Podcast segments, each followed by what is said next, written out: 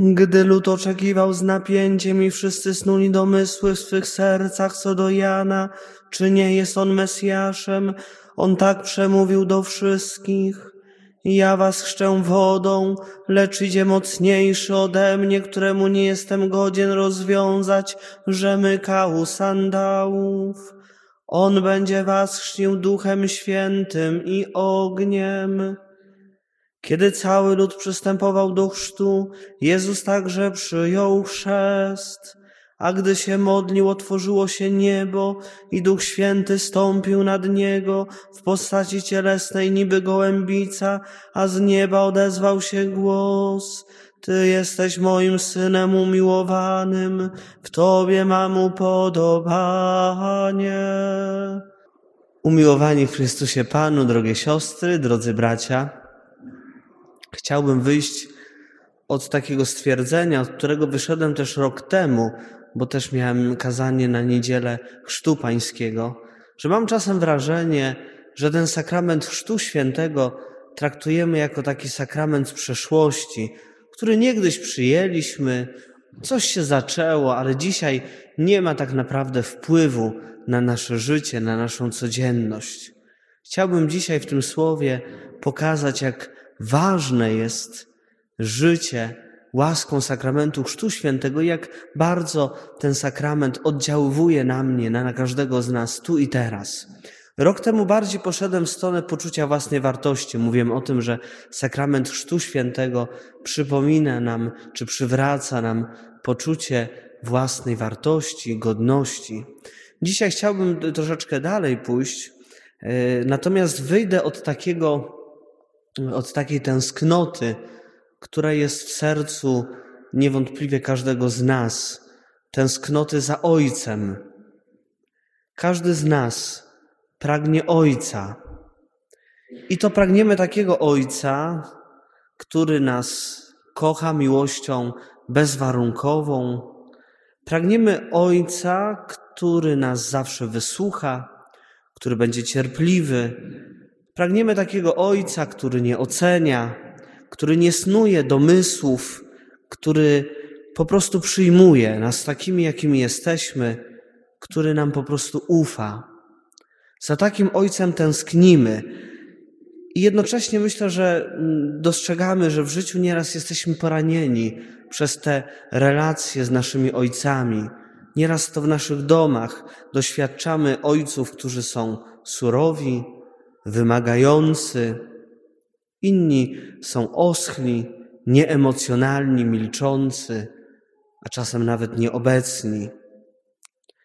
I tak to już jest, że wciąż ta tęsknota w naszych sercach się odzywa.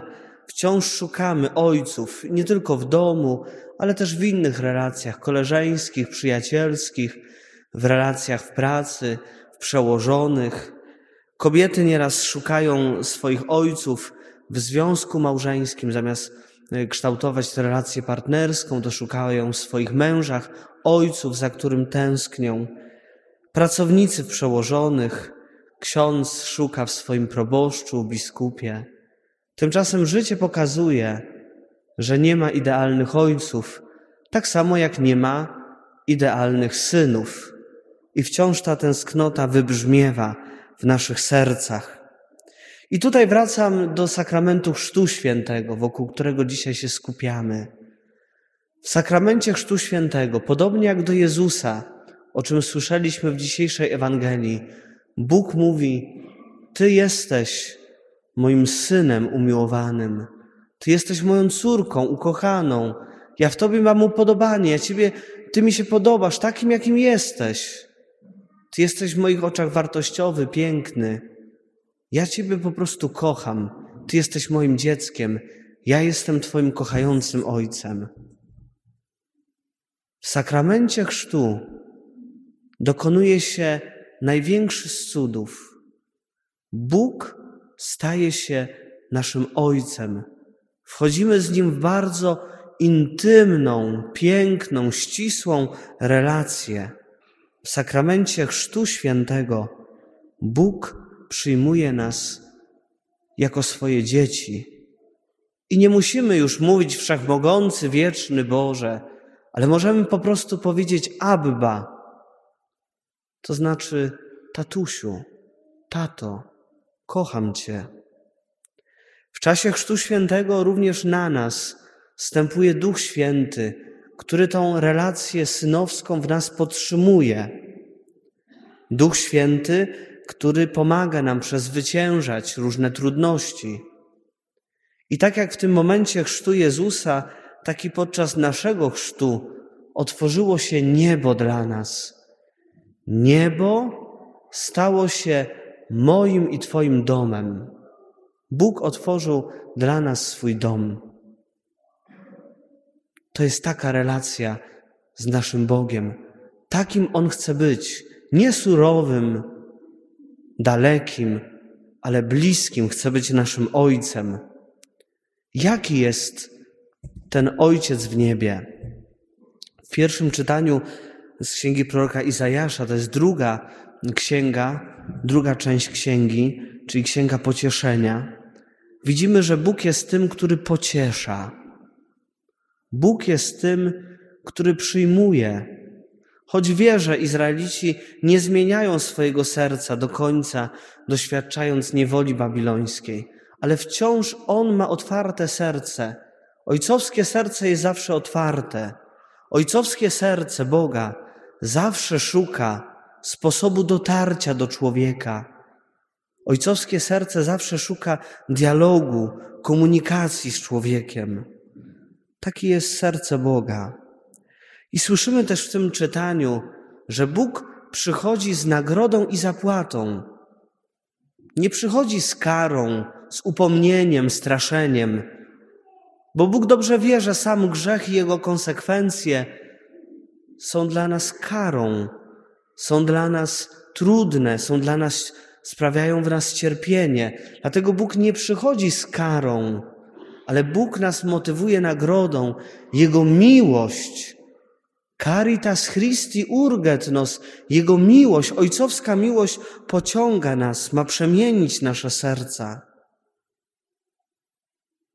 Bóg jest Ojcem, który troszczy się o wszystkich, także o tych najmniejszych, opuszczonych, nawet jeżeli świat Ciebie skreślił, nawet jeżeli środowisko, w którym jesteś, Ciebie skreśliło, jesteś na marginesie, wciąż Ci ktoś coś wypomina, wciąż ktoś Cię stygmatyzuje, to Bóg Ciebie kocha takim, jakim jesteś i troszczy się o Ciebie, małego, odrzuconego, prowadzi Cię łagodnie, jak słyszymy w tym czytaniu. Jest pasterzem, który łagodnie prowadzi.